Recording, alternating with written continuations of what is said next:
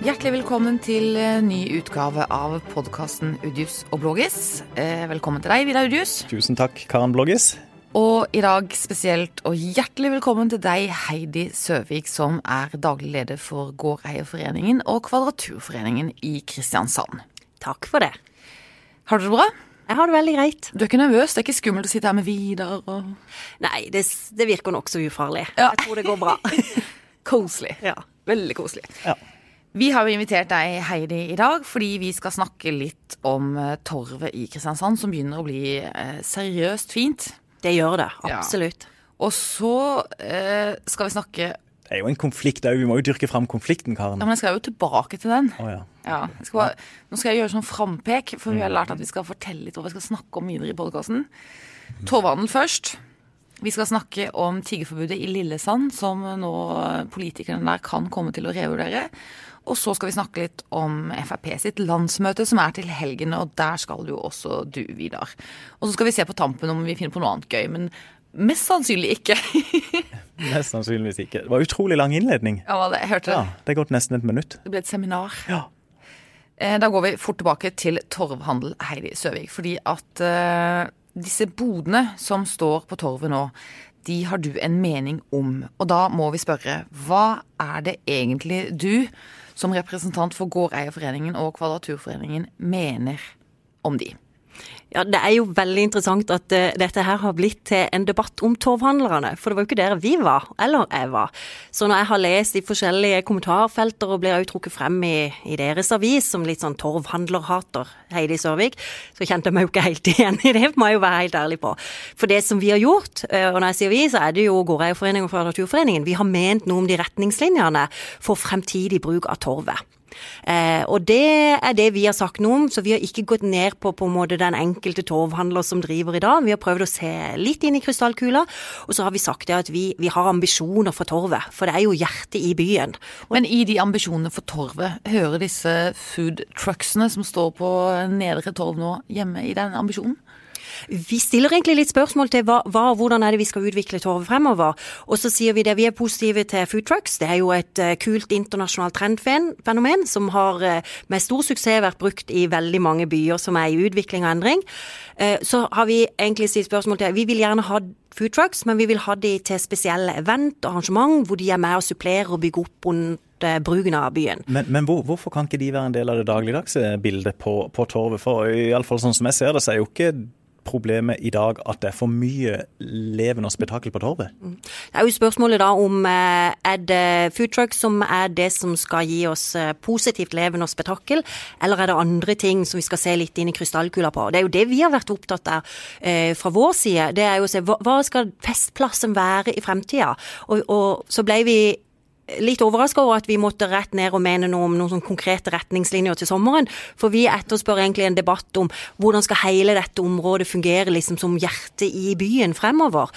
Eh, Og så er vi vel òg, det har vi jo sagt òg i vår uttalelse, at vi syns det er eh, feil om det skal bli bygd opp en veldig sånn eh, eh, markant eh, vegg, hvis vi kan bruke det begrepet, mot Markens. Vi etterspør dette åpne torvet. Nå har vi laget en kjempeflott festplass, og da må vi på en god måte invitere folk til å bruke torvet. Karen, og da er det kanskje litt andre modeller enn det som vi har sett i sommer, og som var, og den sommeren som vi går inn i nå. Så det vil vi gjerne ha en debatt rundt. Karen, du er for en sånn vegg, er du ikke det? Jo flere food trucks, jo bedre, tenker du. Nei, ikke nødvendigvis. og- Og det er jo snakk om bare fire vogner eller torvvanner der. eh, Så det er jo ikke noe massiv eh, Altså det er jo ikke et tett befolka Eller tette, vogntett torv vi snakker om. Fire vogner mener jeg jo at eh, kanskje Kristiansand kan ta seg råd til, da. Å ha Vi på vil, torvet gjerne, sitt. vi og vil gjerne ha vogner og torvhandlere på torvet. Så det er nok en stor misforståelse. men bare til bestemte tidspunkt Nei, nei, eventer? eh, hele året. Men vi stiller spørsmål til om kan vi finne en annen type plassering. Er det en annen type modell på hvordan vi kan få større bevegelse i hva torvet skal være? Og vi har sagt òg at vi mener for sånn som retningslinjene er foreslått i dag, så stilles det egentlig ingen krav til eh, de som skal ha plass på torvet, mens det stilles en hel rekke krav til de som er faste drivere rundt torvet. Og det sier vi, der mener vi det blir noe feil hvis det ikke er noen tanke på estetikk, kvalitet og innhold på hvem som skal ha midlertidige plasser på torvet, når man har veldig klare tanker om hva som skal være det faste. Så da må vi være mye mer inn på hva er det som uh, virkelig på en måte med og løfter byens torv, da. Er ikke det, Så, er ikke det gode innvendinger, Karen? Ja. Jo da, jeg syns jo det, og jeg syns jo godt at man kan diskutere om disse vognene skal betale mer leiepris for å bidra mer til vedlikehold og alt det der av torvet. Jeg tenker også at de kan få noen krav til hvordan de estetisk skal forme eller utforme sine vogner og sånn. Men jeg tenker at hvis man som Heidi Sørvig vil flytte dem, at de skal være på, på et annet sted på torvet, og at, skal, og at, det skal være knyttet til bestemte evenementer og tidspunkter og sånn, så tenker jeg at man river grunnlaget for deres eksistens så mye bort at de rett og slett vil forsvinne. Og at praksis av det du sier, er at uh, du egentlig utrydder. Men, men Heidi, får du og får dere henvendelser fra irriterte restauranter som i dag driver på, på Nedre Torv, som, som, uh, som syns at disse vognene i dag både tar kunder og på en måte tar utsikt og innsikt til restaurantene fra dem? Vi får ikke henvendelser i forhold til at de tar kunder. De henvendelsene vi får fra driveren rundt torvet, det er jo at man har med forventning sett frem til at torvet skal stå ferdig som en festplass. Eh, og man ønsker å ha en dialog på hva og hvordan skal den festplassen brukes som er positivt, som er med og skaper mer trafikk til hele torvet. Og så tenker jeg det er et svært torv vi har nå, og så har vi hatt en så positiv opplevelse nå med isbanen på Øvre Torv. Nå hadde jeg nettopp møte med Dark Season eh, i dag tidligere, som i i fjor for første gang hadde liksom sitt arrangement på Øvre Torv, og skal ha det til høsten igjen òg. Og, og, vi som er jo født og oppvokst i Kristiansand, og vi har jo ikke liksom drevet hengt eh, positivt eh, på Øvre Torv nødvendigvis. Mens nå er, nå er Øvre Torv blitt en sånn kjempeflott eh, festplass, det også. Så jeg tror jo at vi som by kan tørre å trekke på en måte, eller la oss kalle det, invitere mye mer opp til hele torvet som bruk. At ikke det, bare den delen Ja, det er liksom litt sånn klumpete helt nede med marken. Så var, men, men der kan vi gjøre noen andre tanker, syns vi. Men det er vel fordi at det der det er folk, er det ikke det? Altså Det er jo ikke mye folk på Øvre Torv i dag? Det er jo det vi tenker at det nye torvet det inviterer jo til en helt annen ny bruk. Du har noen veldig spennende restaurant, du har bønder i byen, nå åpner der en ny fransk bistro, du har kirka, du har Wergelandsparken, du har fontenen. Altså hele Øvre Torv kommer til å bli noe helt annet enn det det har vært. Vi, og der jeg syns jeg jo at kommunen har vært veldig fin med å være tydelig på at vi snakker om før og etter. Vi vet jo egentlig ikke hvordan det nye torvet blir. Så vi må jo teste ut og, og prøve, og det er jo da vi har spilt inn noen syn synspunkt på, på, det forslaget som kommunen har kommet med. For det, vi så her at første forslag som kom, ja, der, eh, der, var det litt å ta tak i, sett fra vårt ståsted, fra både Kvadraturforening og Gårdeiforening. Vi mener det, var et, et, det er et større potensial enn det, det første utkastet til retningslinjer speila. Og da vi, måtte vi på en måte også mene noe om plassering av torvhandlerne og innhold på det. Men det er ganske mye annet vi òg har ment noe om når det gjelder torvet. Så vi, vi, ønsker å løfte hele debatten om Torve. Syns det er litt synd at det har kommet ned på på en måte enkeltpersoners historie. For det er jo ikke det vi snakker om. Vi snakker jo om hva skal Torve være i fremtida. Og da må vi ha retningslinjer som, eh, som gjør at en kan få den utviklinga som en ønsker, da. Men eh, Karen, du kommer fra eh, en annen by på Sørlandet. Mm. Eh, vi kan nevne navnet på han. Eh, Arendal. Arendal. En en fylkeshovedstad som er på vei til ikke å være fylkeshovedstad lenger. Ja. Nok om det. Nok om det. det. det. er vel litt sånn parallell eh, diskusjon i Arendal, er det ikke det? I forhold til at du har Pollen som det definerte sentrumsområdet, hvor folk automatisk er. Og så er det bare ett halvannet, to kvartaler opp, så har du en, en fin uh, torvallmenning inn mot biblioteket, men hvor det kanskje ikke er så lett å få folk til å trekke. Jeg tror det er sånn i veldig mange norske byer at det er en veldig definert gate eller et veldig definert område hvor mennesker er, og så er det straks du kommer bare et kvartal vekk, så er det veldig usentralt og vanskelig å få butikker til å etablere seg, restauranter til å slå rot og alt det der. Pluss kjøpesentre, da, som jo trigger trafikk og sånn. Så det er jo veldig likt. Og jeg tror ikke det er så veldig Altså på Torvet i Arendal så er det jo litt sånn lekeplass og oppholdsrom. Eh, det er et kjempegodt hvilerom. Ja, det er det. Som man jo ønsker i Kristiansand også, men sånn veldig mye handel er det jo ikke der. Men noen vogner har de eh, gitt tillatelse til. Litt sånn blomsterutsalg og litt sånn krimskrams og sånn. Og for de som lurer på hvilken lyd som kanskje kan høres i bakgrunnen, så er iallfall den lyden et tegn på aktivitet her i Kvadraturen i Kristiansand. Ja. For de holder ennå på å bore og hamre litt i veggene i nærheten av det studioet vi sitter. Så hvis noen hører den lyden, så er det ikke noe mer dramatisk enn det. Ja. Det er et tegn på vekstaktivitet. Det er det. Eh, Heidi Søvik, eh, om ett år, hvis vi inviterer deg i podkast, er det fire torvhandlere nederst på torvet i Kristiansand. Da skal vi vedde? Skal vi invitere deg i podkast eh, om ett år?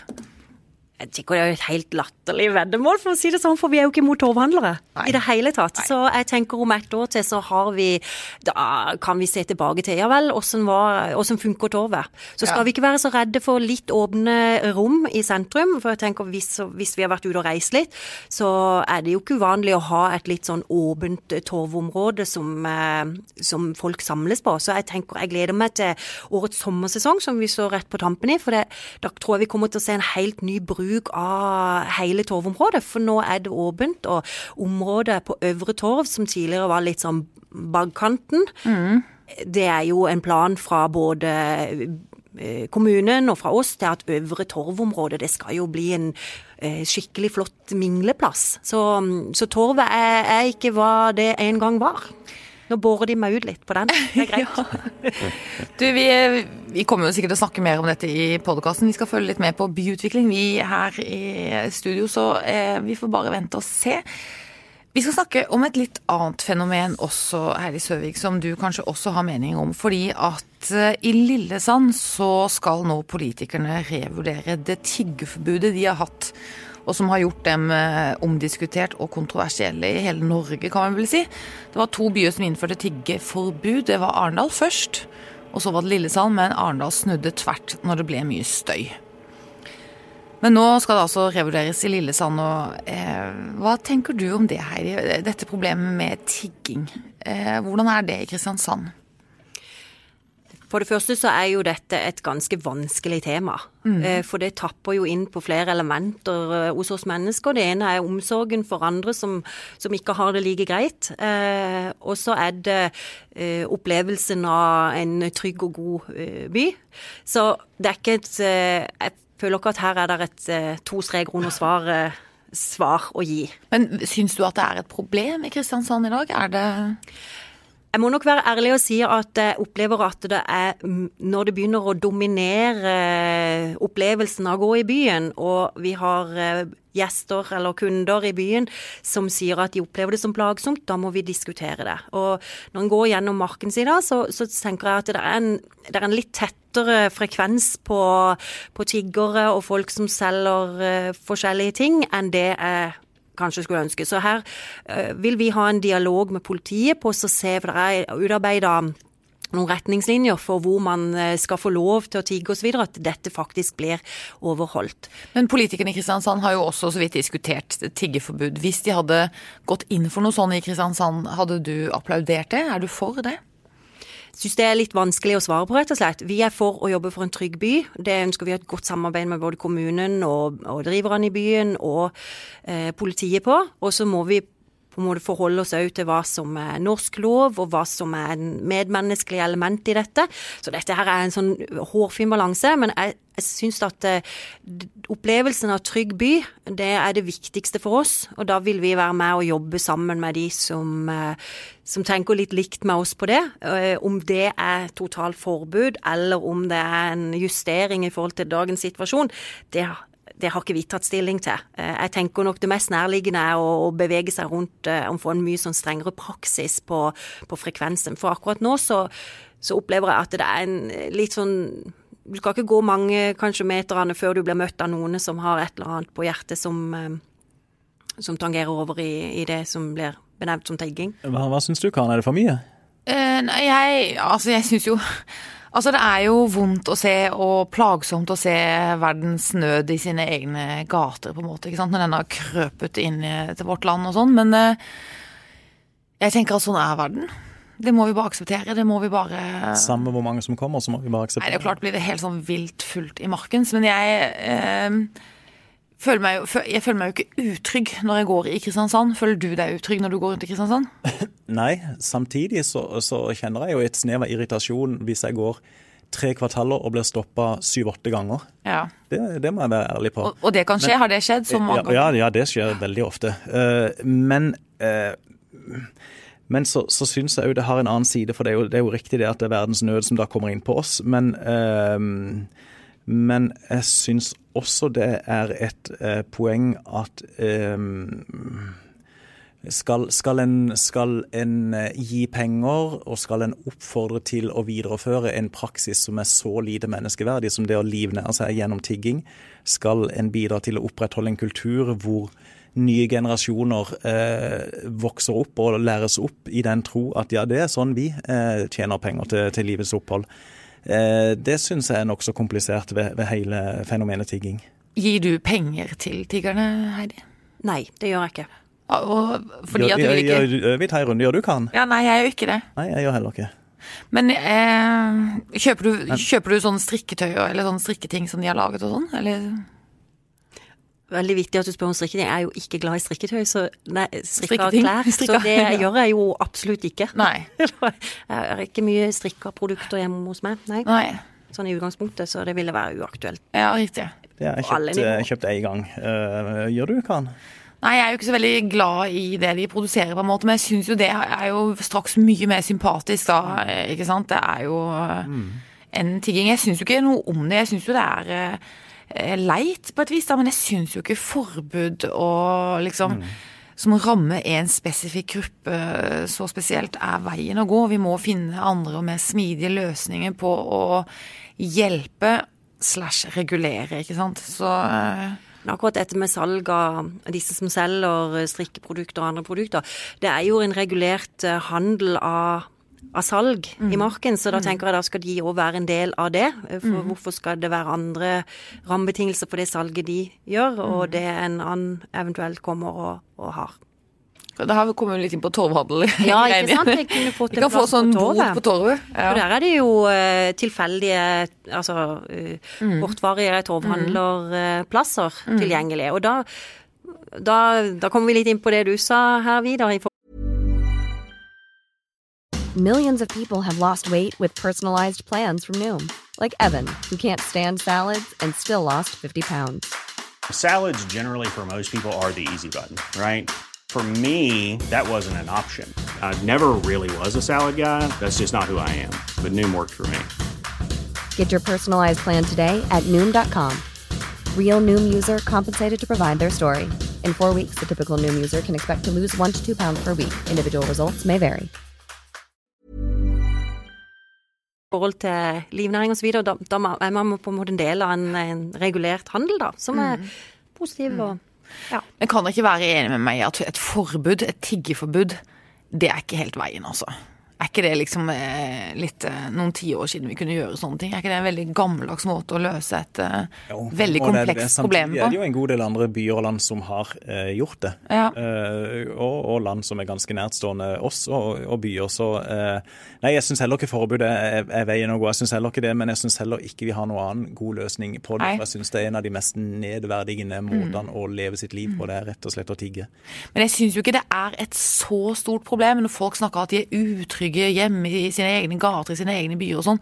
Så kan jeg ikke forstå det. Selv personlig så syns jeg det er mye mer skummelt hvis en aggressiv og rusa narkoman kommer bort meg og skal bomme en røyk eller ha penger. eh, Enn at Nei, det jeg, jeg kommer en tror, eh, altså Her vil jo alle ha individuelle opplevelser, Ja. hva som er trygt, hva som er hyggelig. Altså, man skal jo Hyggelig gå er det ikke, men det føler du deg utrygg?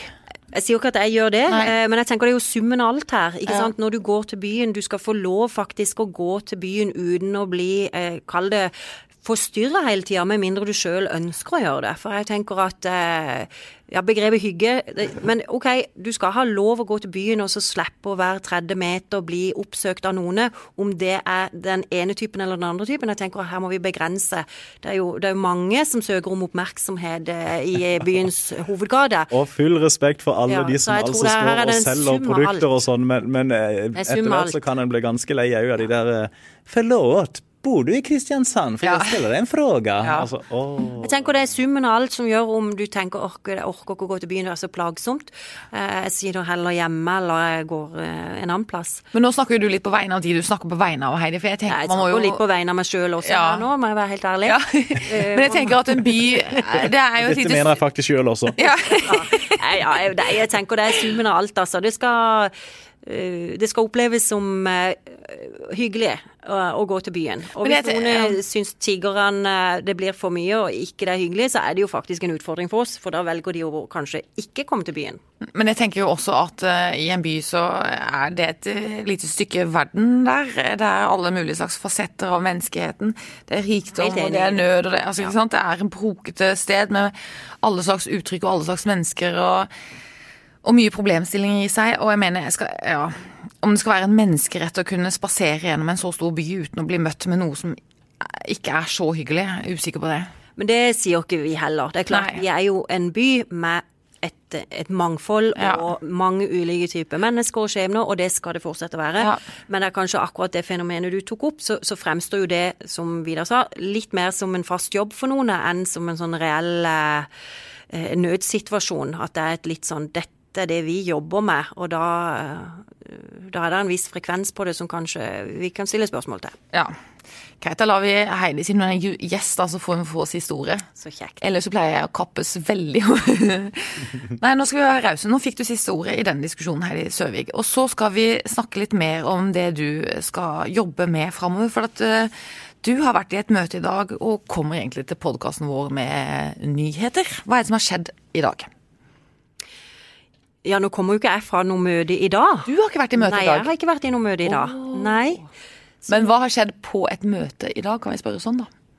Fortell. Eh, det har blitt valgt et nytt styre til Sørlands kunstmuseum, og jeg har blitt forespurt om å gå inn i styret, og det har jeg sagt ja til. Og så ble du valgt ble på et valgt. møte i dag som det, du ikke var på. Tydeligvis, ja. Jeg fikk beskjed når jeg kom her at jeg faktisk ble valgt. Ja. Så det var jo veldig hyggelig. Ja, gratulerer med det. Gratulerer. Og Sørlandets kunstmuseum det er tilnærmet lik eh, Kunstsiloen. Det er det også. Ja. Absolutt. Ja, da går du rett inn i eh, et vepsebol. For noen er vel det et vepsebol. Jeg, jeg har jo vært eh, ganske engasjert i forhold til, til kunstsiloen og realiseringen av det, både i min eh, forrige jobb og nåværende jobb. Fordi jeg tror at det kommer til å bety mye for både Kristiansand og hele Sørlandet.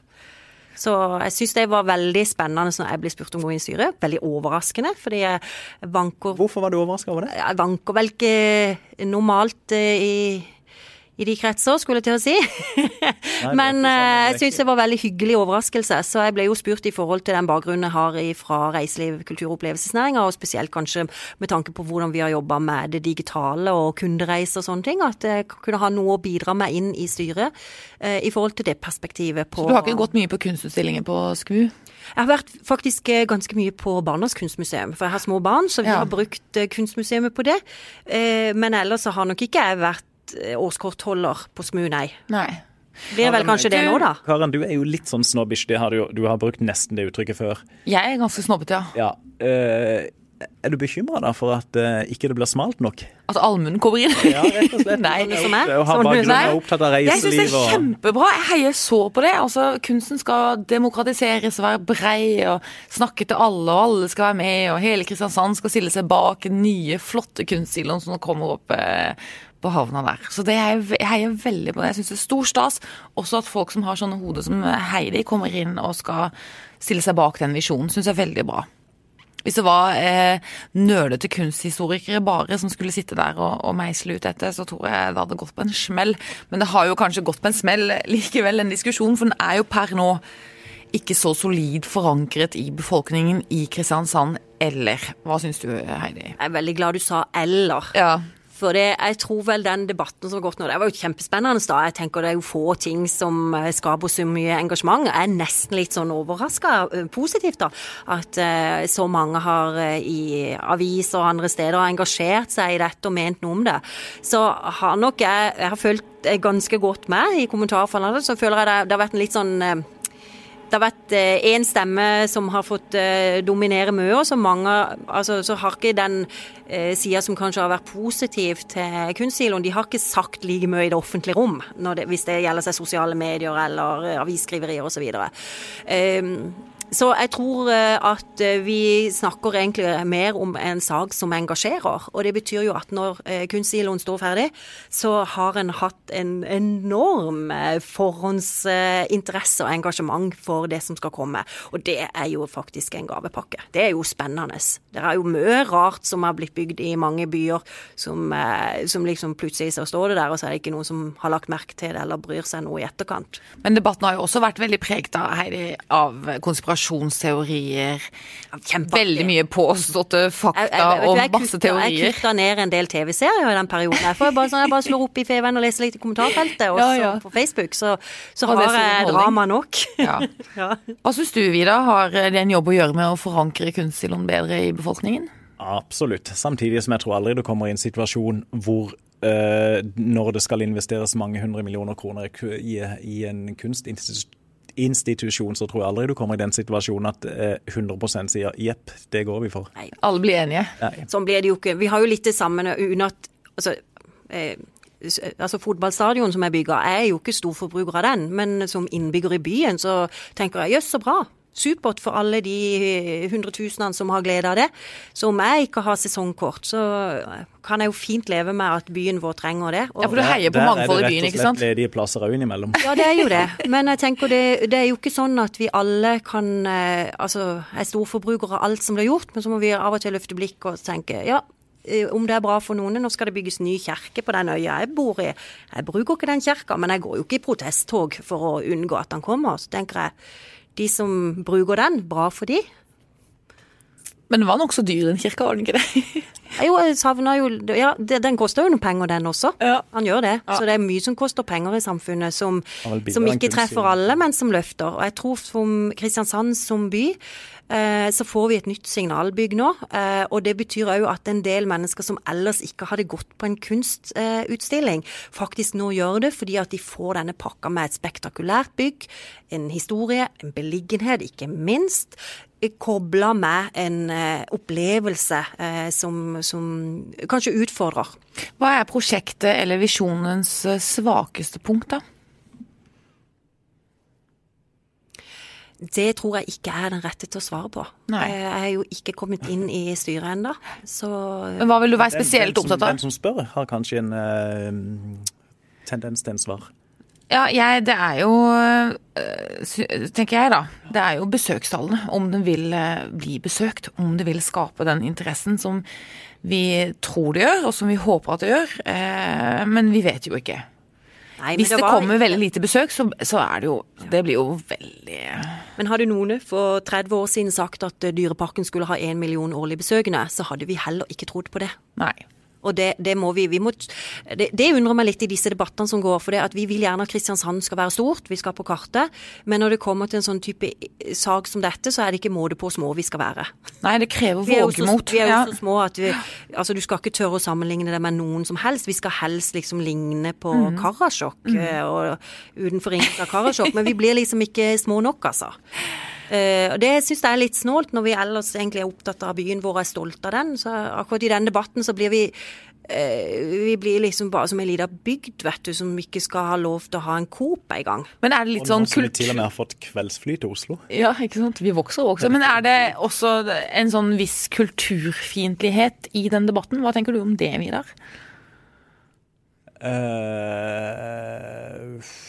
ja, Kunst er for elite, de skal ikke få våre skattekroner, de må klare seg selv. Det, det, ligger jo til grunn, og det tenker jeg også er et problem for de som har presentert prosjektet, at, at den forestillingen har festa seg. Eh, og Når du snakker om eh, demokratisering av kunsten osv., så, videre, så er jo det også et uttrykk for eh, et behov som ikke er møtt per i dag. Og hvor mange føler òg at de blir har jeg inntrykk av, litt sånn sett ned på hvis ikke de på en måte ser det som da forstår seg på og ser i et kunstverk, f.eks. Ser at det utvider perspektivet, er høyverdige osv. Mm. Retten og sletten. Ja. Det kommer jo til å bli diskutert og debattert uh, kunstsiloen Helt sikkert. I ganske mange runder fremover også. skal du til å si siste ordet ikke sagt? Så, nei, det skal jeg ikke si, for det er en sånn klisjé å si. Mm. Eh, men det er også klisjé å si vi skal følge med, vi kommer tilbake til saken her osv. Så, videre. så hva skal man si da, Vidar? Og med det går vi over til et nytt tema.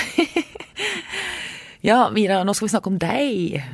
Det liker du. Ja, Akkurat. Det sto ikke på kjøreplanen, gjorde det det? Jo, det gjør det. Vidar og hva han gjør i helgene, det skal vi snakke om nå. Fordi Akkurat. at du reiser jo ganske mye på landsmøter i helgene, og til helga så skal du i Frp sitt landsmøte. Ja, det blir gøy. Kan ikke du bare Du må si litt kort. Er det noen nachspiel der? ikke sant? Jeg tror De har vel ikke begrensa nachspielet i Frp, tror jeg. I Høyre gjorde de det, og kutta ut eh, nachspiel og reduserte alkoholserveringa på landsmøtemiddagen. I Venstre, som var for to helger siden, så bare gønna de på som, eh, som før. Og De gjør vel det Frp òg. det, det, det tror jeg nesten. Det, det vil jeg nesten tro. Det er jo selveste gønnet på partiet. Ja, det er det. Og så har de jo fått seg noen seriøse smeller. Så, Ja. det at, eh, så bevisstheten er sikkert høyna også i Frp, Ja. vil jeg jo absolutt tro. Ja. Eh, Så kan en jo tenke hvordan det hadde vært hvis det var Senterpartiet som skulle hatt landsmøte. Men uh, De, og Senterpartiet er jo kjent for å være festepartiet. I høy grad. Ja. Kanskje de har sånn innsamling av mobiler? ja. Ja, ikke Eller sånn, De skal ha sånn alkolås på SMS. Du skulle gått gjennom en alkotest før du fikk lov å sende SMS. Ja, Du får sende SMS-er, ja. Ikke sant. Ja. Nei, du, jeg tror i, i korte trekk så, så, så er det interessant med Fremskrittspartiet at de prøver å bli likere andre partier på områder som ikke er så viktige for de sjøl. Altså da miljø, eh, utdanningspolitikk. eh, Meisler de ut eh, stadig ny politikk, og særlig på miljø og klima. så så har det jo inn mot landsmøtet da blitt eh, ganske tydelig at de skal prøve å eh, pusse av litt av de skarpeste kantene. I Frp har det jo vært folk som har ment at ikke det finnes menneskeskapte klimaendringer, Carl I. Hagen eh, deriblant. Eh, og interessant nok, Gisle Saudland, stortingsrepresentant fra Vest-Agder, han er da klimapolitisk talsmann i FrPs stortingsgruppe, så det, det faller ned på han å på en måte skulle i hermetegn normalisere Frp litt på, eh, på dette området. Ja, for jeg hørte med Fremskrittspartiet i radio og i annen presse denne uken at de prøver å selge seg som et miljøparti med en god miljøpolitikk, og som et utdanningsparti. Ja, og jeg tror, aldri de, jeg tror ikke de har ambisjon om eller ønske om at de skal fremstå som et eh, aggressivt miljøparti, men jeg tror de vil komme i den situasjonen at hvis velgere er i tvil om de skal stemme Arbeiderpartiet, Høyre eller Frp, så skal, så skal ikke velgerne tenke men jeg kan ikke stemme Frp fordi jeg har Ja. helt vill klimapolitikk. Så det er på en måte file vekk de der skarpeste kampene. Ja, og det er jo for å ansvarliggjøre seg selv for å bli et sånt mer stabilt og forutsigbart regjeringsparti. Og... Ja, absolutt. Og så er jo ulempen i andre kanten at uh, Å, vips, der ble Frp som alle andre partier. Da Ja. ikke stemme de lenger. Nei. Nemlig. Og? Hvor, hvor skal de som stemmer Frp da gå? Tenk, tenker du på partiet til han eh, Vidar Kleppe, Demokratene? Ja, ikke sant? Du, Vidar Kleppe er jo en veldig, veldig flink og dyktig politiker, men eh, det har vist seg enormt vanskelig å etablere nye partier. Ikke bare i Norge, men i stort sett andre land. Eh, Ja, det er vanskelig. Kleppe har jo holdt på og spilt, Ja. skulle spille på misnøyde Frp-velgere i ganske mange år uten å lykkes på nasjonal plan. Så det, det der, der er en, en tøff, tøff batalje. Altså, Ja. enn så lenge så er det vel Frp som fanger opp eh, protestvelgerne. Blir det mye diskusjon om Sylvi Listhaug-saken som eh, herjet i vinter? Ja, jeg vil tippe at hun, når hun holder innlegg på landsmøtet, så vil hun bli møtt med eh, stående applaus. Hjertevarm applaus. Hjertevarm applaus. Samtidig som en god del uh, i salen også klapper fordi at de andre klapper, og, eh, og Ja. syns det er helt OK at ikke Frp blir assosiert med en så krass retorikk på det området. Ja. Da vet vi hva du skal i helgen, eh, Vidar. Frp-landsmøtet skjer på selveste Gardermoen, så du kommer deg vel fort hjem etter hvert? Det er, en, en nydelig plass å møte våren. Ja, ikke sant? Ja, Og du, Blågis? Jeg, hva jeg skal i helgen? Jeg, skal, jeg må ruste opp hagen litt, så jeg. Jeg må rett og slett ut og ta den der vårlige, årlige hagesjauen. Da, jeg vet da søren hva som eh, Da tror jeg nesten hadde reist til Gardermoen, heller. Nei, det er jo litt fint å være ute og pusle litt i Det syns jeg er fint. Hva skal du for noe, Heidi? Du, jeg skal faktisk på barnefilmfestivalen. Den er jo Ja. i Kristiansand nå. Men så er det Jeg har to barn i håndball, så det er cuphelg i helga her i Kristiansand. Nemlig, for da skal du stå inne i en sånn hall mens vårsola peiser ute, og så skal du, skal du steke vafler og sånn, eller skal du bare Nei, nei, nei. Jeg, kun, jeg skal heie og hyle og være support. Ja. Det er, noe, det er jo ikke det beste stedet å ta imot våren heller, inni en sånn hall, men det er jo hyggelig å være med barna og De er på så lavt nivå ennå, så de går nok ikke videre, så det blir en kort og intensiv eh, Nei da, de går fløy. Heia fløy. Du, kan Men, du ikke tenk hvis barna hører på denne Nei, det podkasten? håper jeg virkelig ikke de gjør. Heia fløy. Jeg, jeg har faktisk eh, 50 kroner per mål nå. Heia fløy. Jeg, får, så jeg jobber med stimuleringa. 50 kroner per mål, ja. Foreløpig har det vært eh, ikke. Jeg har ikke på en måte blakka meg ennå. Det kan jo komme i helga. Jeg håper jo det. Du, jeg hører at vi skal ha en ganske fin helg alle tre, det blir sikkert bra. Men eh, nå setter vi strek for denne ukas podkast, i hvert fall.